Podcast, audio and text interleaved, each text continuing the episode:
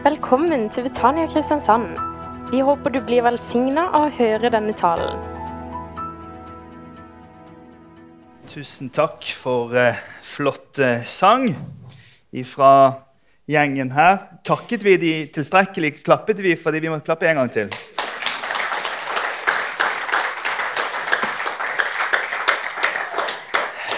Virkelig bra. Jeg tenkte ikke akkurat på den store hvite skaren når jeg så dere. Men, eh, men, det er jo litt annerledes i de frie evangeliske enn det i, i pinsebevegelsen. Eh, så tenkte jeg også det at det er jo fantastisk altså, eh, at dere slipper unna med å synge så mye engelsk. Jeg er jo vokst i Det er jo forskjellen kanskje litt på pinsebevegelsen og frie evangeliske. altså Vi er ikke fri til det, å synge så mye engelsk. I vår menighet i Bergen så, så hadde vi no, disse smågruppene våre de kalte vi for life-grupper. Eh, men vi, vi, endret navnet. og nå skal jeg fortelle hvorfor vi endret navnet. Det som skjedde var at eh, Vi kom til juni, og så skrev de altså da en invitasjon. Det blir live-avslutning etter møtet. Med henging. Eh, og da tenkte vi at dette, nå, nå, bare legger vi om til norsk. Så det har vi gjort eh, siden, siden, det. da. Det var selvfølgelig spøk til side. Syng så mye engelsk dere bare vil. Det er veldig, eh, veldig bra. Jeg kjente det når jeg eh, skulle be for Torsten og Karin her, eh, og for dere. Eh, og også inn mot eh, samlingen vår her i dag. Eh, at jeg tror at eh, Gud ønsker at denne menigheten ikke skal nøle seg fremover nå, men at denne menigheten skal være frimodig på at den har vært i denne byen lenge. Og at det der fins en frimodighet og et kontaktnett inn i denne byens liv eh, som gjør at eh, man skal slippe å gå de der lange reisene av å, av å vente på en, en, en, tid. Men jeg tror at jeg har en innskytelse til dere, et ord til dere. og det er at Vær frimodige på at eh, Betania som størrelse har vært her, er her og har broer inn i denne byen av kontaktnett som gjør at eh, man ganske raskt kan oppleve en ganske stor effekt eh, ut av det. Ta til dere det ordet. Jeg har selv plantet en menighet eh, i Bergen. nå og opplevde hvordan vi måtte gå ganske mange år eh, før vi på en måte turde å gjøre visse steg utover. Og Egil Svartdal lærte meg opp til først blir man pastor i byen, unnskyld, først blir man pastor i menigheten. Så eh, går det noe tid, og så blir man pastor for byen. Men jeg tror jeg skal si det til deg, Torsten, og til lederskapet her. Eh, ta Betania inn i denne byen så raskt som bare mulig, og vær frimodige på eh, denne menighetens liv og på evangeliet i byen her. Eh, dere er heldige som får Torstein og Karen her. Jeg har kjent Torsten nå i snart 20 år. Han er en formidabelt flink eh, fyr. Eh, og har et riktig syn på det å være pastor også. For vi er ikke en høykirkelig tradisjon. Vi tror ikke at presten, pastoren, skal gjøre jobben. Vi tror eh, eh, på alle de hellige. Vi tror på menighetens liv. sant? Og Vi er kirken nedenifra, som vi sier. Det betyr at det er den, det allmenne presteskapet, deltakelsen fra de mange, og det vet jeg i Torsten sitt hjerte her også, eh, at, eh, at det er tradisjonen vi står i. Så trenger enhver menighet en ordning. og Derfor så har vi et lederråd, og vi har pastor og vi har menighetsmøte. Ja til alt dette. Men hovedmålet det er at vi samarbeider med Jesu interesser i verden. sant? At vi som flokk står sammen om eh, et rent og klart evangelium i den tiden vi lever i. Det, det tror vi på. Vi trenger frimodige, frimodige, frimodige kristne i Norge. Og jeg hørte Det var en, en søndagsskolebarn. Hun hadde en naturfagslærer. Eh, og eh, naturfagslæreren syntes ikke det var noe særlig at dette barnet gikk på søndagsskole. og sånn. Så, så de kranglet litt i naturfagstime. og da sier naturfagslæreren at eh, lærerinnen hun sier det at eh, hvaler de spiser ikke mennesker. Men dette barnet hadde jo gått i søndagsskolen og sa jo, Jonah ble svelt av en, av en Jo da, det er sant, dere har lært på søndagsskolen. Nei, sier naturfagslæreren. Det stemmer ikke. Eh, hvaler spiser ikke mennesker. Og så sier hun jo, det står i Bibelen. Når jeg kommer til himmelen, så skal jeg spørre Jonah om han ble spist av en hval. Og da sier naturfagslæreren hva hvis eh, Jonah ikke kom til himmelen, men at han kom den andre veien. Og da sa søndagsskolebarnet Da kan du spørre han. Det, vi, skal, vi, skal gå fram, vi skal gå fram med visdom og klokskap. Og vi skal selvfølgelig ikke være så frekke. Men jeg tror av hele mitt hjerte at er det noe vi trenger i Norge i dag, så er det en frimodig kristen kirke.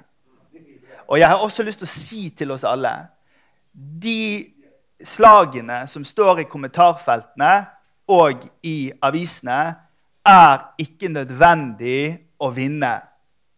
Ordene trenger vi ikke å slåss med. Det vi trenger å vinne, det er at vi er Jesusglade, fornyede, frelste, satt fri, fylt av Den hellige ånd, og på en slik måte er lys og salt i verden. Og Her må vi som Guds folk gå opp en grensegang hvor vi ivaretar et syn på dem som lever og ikke tror. Slik at vi passer på at vi ikke får en holdning oss imellom at det er vi som er kristne, som har skjønt det, og så er det de andre i byen som ikke har skjønt det. For så høyt har Gud elsket hele Kristiansand at han ga sønnen sin for at hver den som tror på han ikke skal gå for det. Han elsker også de som ennå ikke tror på han. Kan du si et lite amen til det? Altså, Han elsker også de som er sinte, de som står på avstand, de som har en annen moral enn den som er kristen og har vokst opp i Betania. Han elsker oss alle. Og vi er her for å være lys og salt i verden. Og det å være kristen i en tid hvor man opplever seg som en minoritet, det kan være krevende. Og Jeg og mine gamle foreldre snakker om det. De vokste opp i Norge i en tid hvor, hvor Kirken var majoritet. Og Selv om vi var da med i en pinsemenighet, så var vi litt minoritet. Men det var ikke så rart som det er nå. Men mine barn igjen, de er vokst opp i et Norge hvor det å være kristen, da er du minoritet. Og Da har du ikke overskriften i avisen å henge deg, fast i. Du har ikke et politisk vedtak som du skal vinne, men du kan leve din tro på Jesus Kristus og være et vitne for han med dine holdninger, med ditt ord, og med, med ditt vitnesbyrd og med ditt engasjement. Og det, kjære Betania, det er en god vei framover for alle. Jesus han fortalte en gang en historie om at to menn gikk opp til tempelet for å be. Og så var det en som stilte seg opp og så takket han Gud og så sa han, Gud, jeg takker deg fordi at jeg ikke er sånn som andre mennesker. Sånne som han eh, tolleren der. Og jeg tenker det at meg og deg, Vi trenger å ta til oss den utfordringen. Jeg trenger å ta til meg den utfordringen at jeg ikke tenker at fordi om jeg er vokst opp i et kristent miljø og har fått en kristen moral og fått med meg dette veikartet til livet, så, så må jeg passe hjertet mitt så at jeg blir en sånn kristen som vet at ja, men jeg også er en synder som er frelst av nåde. Jeg er også en sånn en som det har gått i stykker for, som Jesus har reist opp. Jeg må leve med en takknemlighet. Vi lever i en tid av økt polarisering. Det er et svært ord, men det betyr bare at det er store motsetninger. Det er et hardere ordskifte i offentligheten. Og eh, enkelte, også kristne, skriver med litt for lite filter i eh, Facebook-kanalene. Og noen ganger så framstår vi så mye hardere enn det vi egentlig er. Fordi at avstand det gjør at vi misforstår hverandre. Tyskland er det landet i Europa som er mest redd for at eh, polariseringen skal gå så langt at det blir strid innad i folket. Så Derfor så er de veldig på vakt for ytringsgrupper som, som, som hauser opp og skaper motstand og, og krig. Så Decide, som en kjempestor avis, de eh, gjorde en, eh, et grep for noen år tilbake hvor de laget en spørreundersøkelse. og Så spurte de de ulike i, eh, leserne om de ville fylle ut spørreundersøkelsen. Og Så fylte folk ut, da. og så utfordret de etter de hadde fylt ut, er du villig til å møte noen som mener motsatt av deg og sette deg ned på en kafé og drikke kaffe med dem, så dere kan prate sammen over bordet. Og det var tusenvis ja, tusenvis som ga respons og sa at dette vil vi være med på. Og det var nesten uten unntak en positiv opplevelse. Hvorfor det? Jo, fordi Gud har skapt deg og meg som eh, mennesker som eh, fungerer best når vi er i relasjon med hverandre. Når vi treffer hverandre, når vi ser hverandre, når vi bryr oss om hverandres liv og familie og livssituasjon, så er det noe i oss mennesker som vekker en empati og forståelse som gjør at vi evner å bygge en bro til hverandre.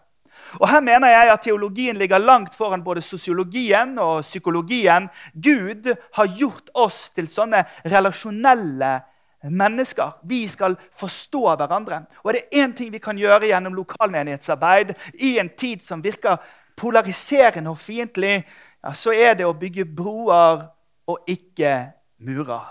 Sivilisasjonen, eh, landet, har aldri gått fram når vi har bygd murer. Og det er aller sist vårt oppdrag som kristne å bygge murene. Det betyr ikke at vi ikke skal være tydelige. Vær så tydelig du kan. Men sørg for å være det med kjærlighet. Rick Warren, som er baptistpastor, pensjonerer seg i disse dager. Han sier det på denne måten. Vår kultur har akseptert to store løgner. Den første er at hvis du er uenig med noen i deres livsstil, så skal du frykte dem eller hate dem. Det andre er at hvis du er glad i noen, så må du være enig med dem i alt de sier og gjør. Begge er uriktig. Vi trenger ikke kompromisse vår overbevisning for å være barmhjertig. I Rogaland sier de 'tog du han'? Poenget er at vi kan ikke endre vår mening for å bli likt av andre, men vi kan strekke oss ut i barmhjertighet til dem vi ikke er enig med. Var det ikke slik at når mesteren var her, så bøyde han seg ned til de syke, tok på de spedalske, løftet opp de lave, tok, tok vare på de fattige, brydde seg om kvinnene? Er det ikke slik at Den kristne kirke i 2000 år har gått fram ja, nettopp fordi vi har hatt blikket og hendene og føttene våre engasjert med masse folk vi ikke er enig i? Det er en løgn i den samtiden vi lever i. At vi må forandre det vi tror på, for å rette oss ut til noen som har en annen moralfilosofi. Folk som strever i avhengighet og i rus og i fattigdom og i problemer. Det er en løgn. Vi må ikke stille opp den kontrasten. Vi må få lov til å være Jesusglade, Jesustroende og strekke oss ut til mennesker som tror og lever annerledes. Jeg har oppdratt tre barn, lykket sånn passe. De har flyttet hjemmefra. Så en dagen uh, var det slik at eh, jeg kom hjem fra Afrika. Så skulle jeg siste leggen hjem fra Oslo. Satt framme i flyet, og så var det et spedbarn som hylskreik bak i flyet. Jeg reiste meg opp, og så gikk jeg bak og så sa jeg til flyvertinnen nå må du si til den moren at det barnet må få skrike så mye det vil. Det gjør ingenting for oss at den ungen skriker. Og så roet babyen seg. Og så sa jeg til fly, flyvertinnen etterpå nå skal jeg hjem til et tomt hus. Ja, men jeg håper det. Din kone er der. Ja da. Men de tre barna. For vi gjør så godt vi kan.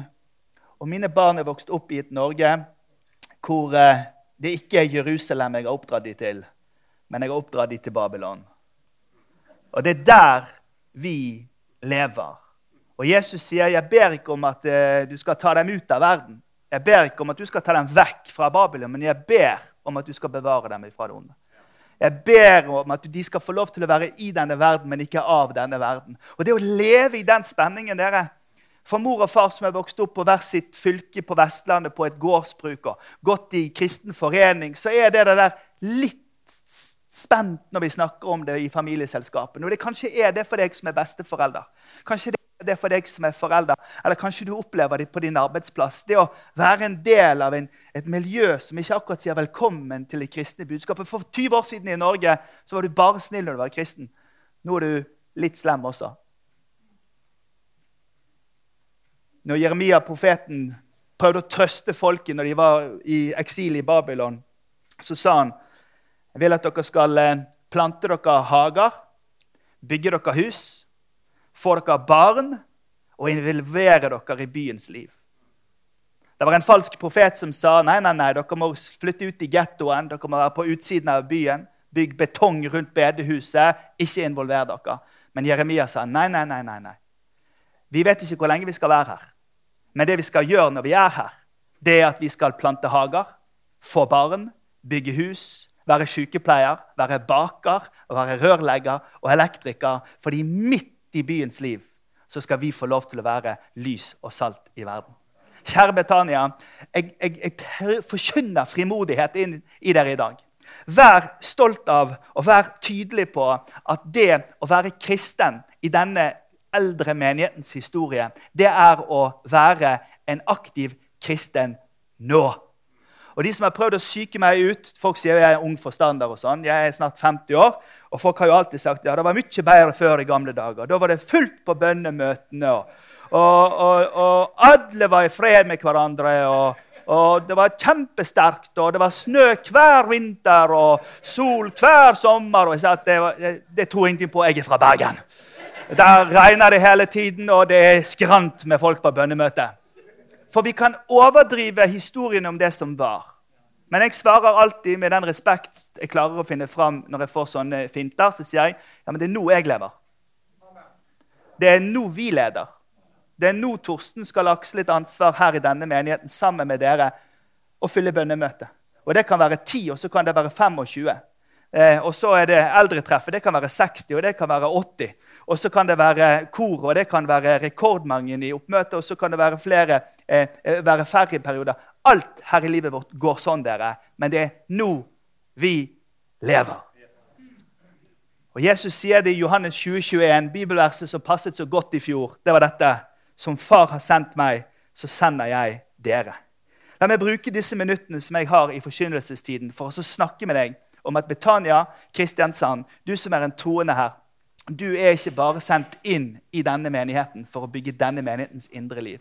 Men la meg frimodig snakke med deg i løpet av noen minutter om at du og jeg vi er også sendt til Kristiansand og til Norge, til våre familier og til våre arbeidssteder i den tiden vi lever i. Gå av sted, sier han. Jeg sender dere som lam blant ulver. Akkurat det bibelverset syns de ikke noe særlig om oppe på Innlandet. Eh, ta, ta, ta, ta, ikke med dere pengepung, ikke væske og ikke sko. Stans ikke på veien for å hilse på folk. Men når dere kommer inn i et hus, så skal dere først si 'fred være med dette hjemmet'. Og Bor det et fredens menneske der, skal freden deres hvile over ham. Hvis ikke skal den vende tilbake til dere selv. Bli boende der i huset og spis og drikk det de byr dere, for en arbeider er verd sin lønn. Flytt ikke fra hus til hus. Og når dere kommer inn i en by og de tar imot dere, spis det de setter fram for dere. Dette er Jesu utsendelse. og Nå vil jeg, kjære Betania, at du tenker at nå så er vi samlet, men vi skal også sendes ut. Det er mitt kirkesyn. Det er at vi kommer sammen, og så sendes vi ut. Og så kommer vi sammen, og så sendes vi ut. Og Det vi skal gjøre i løpet av de neste minuttene, det er å se på hvordan nettopp noen av de punktene fra disse versene kan hjelpe oss i vår utsendelse. For det første så har jeg lyst til å utfordre oss alle sammen til å klargjøre våre personlige verdier. Jesus eh, ble mistenkt av noen for å kopiere en eh, filosofgruppe som opererte i samtiden, som kalt kynikerne, eller hundefilosofene. Hundefilosofene, kynikerne, de var kjent for at de ikke hadde pengepung, at de ikke visste hva hotell de skulle sove på om natta, og at de gikk allment fattigslig rundt og sa at de hadde en rikdom fra en annen verden. Så kommer Jesus og så sier han det samme til sine disipler. Vi sier ikke at Jesus kopierte kynikerne, men det interessante er at Jesus også var opptatt av å si at vår eh, verdi er i det usynlige, ikke i det synlige. Jeg er veldig glad for å kjøre raske biler. Følger oftest, eh, oftest eh, fartsgrensen. Hender at jeg bryter men da ber jeg om forlatelse før jeg legger meg om kvelden. Men det, er, men det, er, jo det i Norge. sant? At Vi har de raske bilene, vi har de høye husene, vi har de, de, vi har de raske båtene. Vi har et velferdssamfunn som vi er stolt av, og som vi er glad for. Men det vi vet, vi som forsker litt og leser litt om kristen tro og framgang for kristen tro, det er jo det at eh, når velferden går opp, ja, så får vi andre verdier som blir viktigere for oss enn Guds rikes verdier. Slik er det bare. Så når jeg kom fra Kongo i forrige uke og feiret 100-årsjubileum for pinsemisjonen der, ja, så begynte det med Gunerius Tollefsen i 1922. Men når jeg står der og feirer, så er det 1 million og 20 000 medlemmer i kirken. 350 sykehus og helsestasjoner og 250 000 barn i skolen akkurat nå. Og da tenker vi Oi sann! Og kirkene flokker man til fordi det, det, er ikke velferden og alle de andre verdiene står ikke over himmelens verdier i våre liv. Hva er det Jesus sier når han sier 'ikke ta med pengepungen'? Ikke planlegg så godt hva dere skal gjøre neste. Han sier egentlig dette til oss. Når dere kommer sammen på smågruppe, ikke snakk om hvor lang bobilen er. Når dere kommer sammen på gudstjenesten, ikke mål opp hvor, hvor neste ferietur skal gå. Neste gang når dere kommer sammen på, på, på eldretreffet, ikke bare gå den runden om liksom, hvor barnebarnet er begynt å studere. Sørg for å avklare hva som er de viktigste verdiene. Og det her sier jeg til oss alle, fordi vi blir så fort dratt inn i det vi leser i bladet eller hører på nyhetene. Det som skal være velferdsverdiene, de går over disse himmelverdiene. Og jeg sier det til smågruppene våre veldig tydelig. Sørg nå for at når dere kommer sammen, at dere begynner med å takke Gud først. At dere setter en tone av at nå er vi et åndelig fellesskap, ikke en sosial klubb hvor vi måler hverandres velferdspoeng. For det her er akilleshælen til oss som er kristne i denne velferdsstaten. Og Jesus sier når dere går av sted nå, vær styrt av deres himmelske verdier. Og når dere kommer inn i et hus, så skal dere først si 'fred være med dette hjemme'. Og bor det et fredens menneske der, så skal freden hvile over ham. Dette ordet fred det er jo dette hebraiske ordet shalom, som er langt mer enn fravær av krig. Det er nærvær av en ånd av forsoning. Og det er Ikke bare nærvær av en ånd av forsoning, men når profeten Jeremia ber de be for Babylon, så sier han jeg ber om at de skal ha framgang i sitt arbeid. At de skal ha fred i sine tanker, at deres fysiske helse skal være god. At det skal gå godt med deres barn og deres forretninger og deres liv. Shalom er en lykkeønsking over andre. Og Det Jesus sier til meg og deg i Betania, det er når vi møter på, eh, på avdelingen på sykeheimen, når vi møter noen over tujahekken i nabolaget eller nede ved fiskebrygga, når vi møter våre venner, la oss være slike som bringer fred. I en tid hvor vi hamrer løs på tastaturet og mener hardt om alt mulig slags ideologiske ting, la ikke det kanskje alltid være fremst i, i samtaleemnet, men la freden og lykkeønskningen og godheten være det som er smaken av å treffe en kristen. Min kone hun jobber i næringslivet. Hun sa til en som hun arbeidet sammen med, at jeg ber for barna dine. Du må huske på det. Jeg ber for barna dine. Hun ble helt satt ut og sa ingenting. Så var de på tur på Ulriken en gang, og så snudde hun seg denne her forretningsdamen som hun gikk på tur med, og så sa hun vet du, det at du ber for barna mine, det er noe av det fineste noe noen gang har sagt til meg. At du bryr deg om meg. Og Det var dette Petter Stordalen sa også når han satt på, hos Fredrik Skavlan sammen med Gunhild, som han var gift med da, og eh, hun var syk. Så sitter Petter Stordalen der på, på, hos Fredrik Skavlan, og så sier han vi får brev fra frimenigheter i hele Norden. Folk som ikke kjenner oss, de ønsker oss godt. Det er, gjør inntrykk på oss at de som ikke kjenner oss, bryr seg om oss. Vi er hans kirke i verden i dag. Vi er sendt til å være en vellukt for han. Vi er de som akkurat nå kan være med å be for fred og framgang og godhet for de menneskene som er rundt oss. Så kjære Betania, la oss bare skifte giret til at vi er slike som bringer fred til denne byen. Kan du si et lite amen? Og så står det 'bli boende der i huset' og spis og drikk det de setter fram for dere. For en arbeider er verd sin lønn. Flytt ikke fra hus til hus. Han sier altså ikke vær flyktig i deres relasjoner.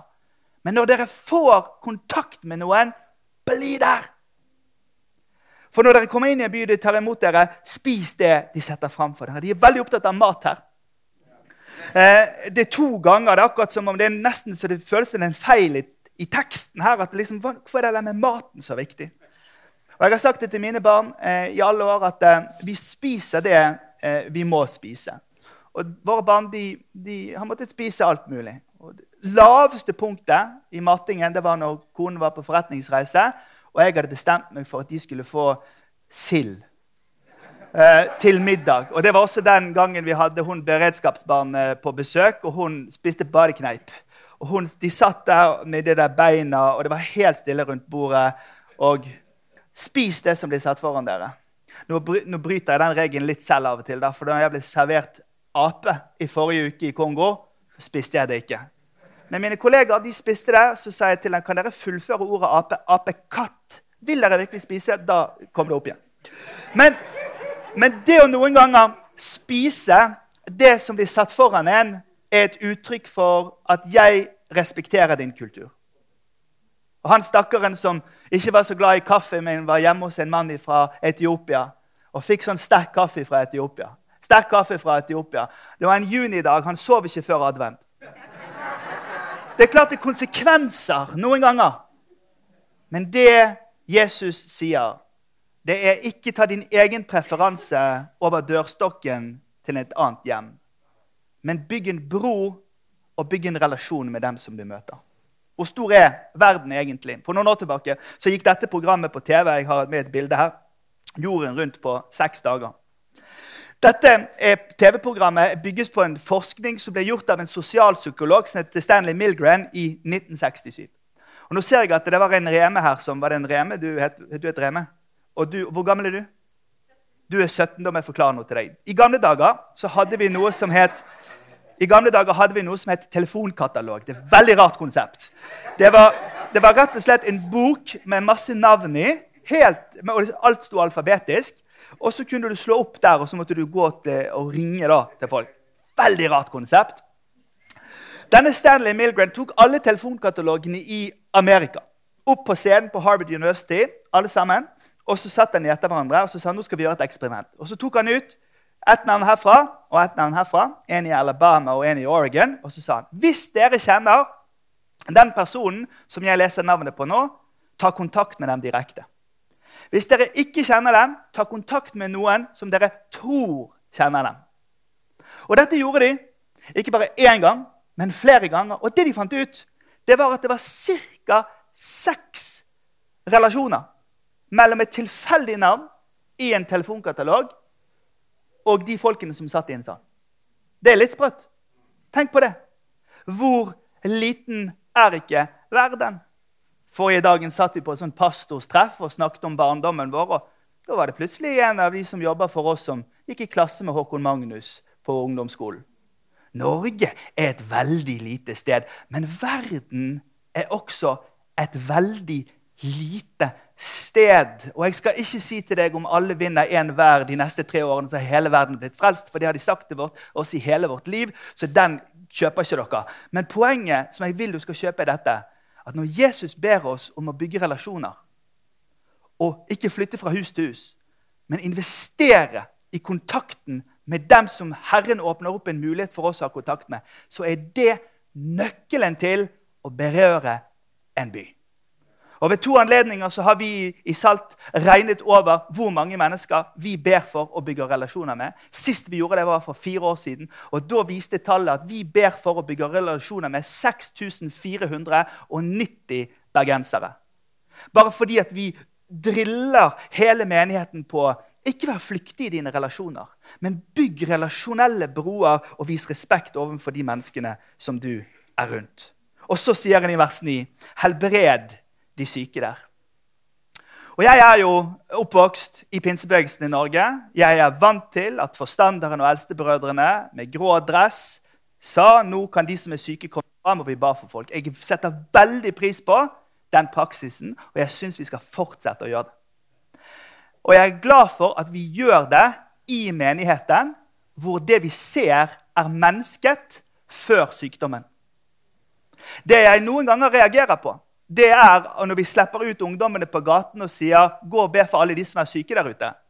Og da er det jo slik at alle som sitter i en rullestol eller har en blindestokk, blir sett for at de har en rullestol og ikke kan se, før noen kan navnet deres. Derfor så liker jeg rekkefølgen i det som Jesus sier her. Når du har bygd relasjon med noen, når du har blitt kjent med folk, og du vet at det er Astrid hun heter, da kan du be for den ryggen. Men du går ikke løs på folk sin sykdom før du har blitt kjent med hvem de er. Denne pastorale tilnærmingen til å bringe Guds kraft inn i verden, den tror jeg på. La oss be for de som er syke. La oss ha omsorg for de som har det vanskelig. La oss være gode med hverandre. Men la oss ikke objektifisere den syke så at man skammer seg fordi man er syk, fordi man blir overfalt av folk som skal be for en. Og Jeg har en far som har vært syk i hele sitt liv, og det verste han vet, det var nye evangelister som kom på besøk. For da fikk ikke han eh, bli kjent med folk før han ble kjent med dem fordi han hadde en sykdom. Helbred de syke der. Byrådslederen i eh, Oslo, Raymond Johansen, han eh, var på besøk på Bønn for Oslo her for noen år siden. Bønn for Oslo er veldig stort. i Philadelphia, Oslo. Og Han kom på besøk, og så, og så spurte en hovedstadsavis han etterpå hva syns du. Så sa han det er større enn jeg trodde. For det, det, meste som skjer når de skal vise fram kristne folk i norske, i norske eh, sånne sketsjer, og sånn, så er jo det tre stykk. Sant? som sitter gjerne i en sånn peisestue omgitt av furupanel. Eh, med sånn filter, eh, så litt en halv kopp kaffe og så noen som har tovet eller vevet et eller annet, og Jesus lever på veggen. sant? Så Ola og Kari sitt inntrykk av det vi holder på med, er jo at dette er småtteri. Hver gang jeg har en vigsel, hver gang jeg har en vigsel, så sier folk er prestene så unge nå for tiden? Så sier jeg unnskyld meg, tror du at vi blir født gamle i vår yrkesgruppe? Tror du at vi liksom bare er 900 år gamle, så kommer vi ut?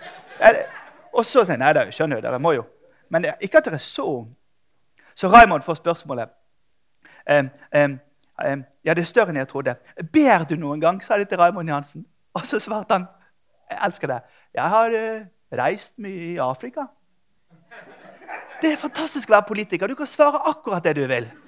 Ber du noen gang? Jeg har reist mye i Afrika. Men jeg skjønte umiddelbart hva han mente. For jeg har flydd mye på Vestlandet. Fordi at når du er inne i en Widerøe-maskin en ting er når jeg skal kveld, eh, hjem i kveld. Da bare glir jeg opp eh, kysten og så lander jeg i Bergen. Men hvis du skal fly typ inn i villmarken, Sogndal, Sandane sant? Det der området der Da er det sånn da, For da er det, det, Du vet ikke om det er opp eller ned det Widerøe skal. Og av og til så føles det som de, fly, de bare skrur av motoren. Rett over Styganuten så bare Sogndal om et halvt minutt. Og så slipper de flyene sånn så kjenner du furutoppene opp i setet. Og så prøver du å se ut er det landingsplass der, og så ser du nede på, nede på Coop Mega at de skynder seg å ta vekk de der eh, handlevognene. fordi at i Distrikts-Norge er mye kombinert på denne måten. Og så lander du. Der ber alle!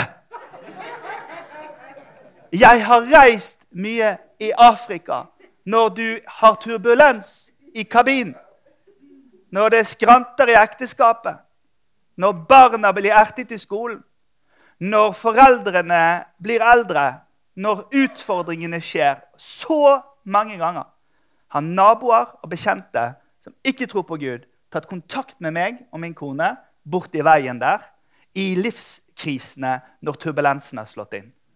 Hvorfor gjør de det? Jo, de gjør det fordi det er etablert en bro der.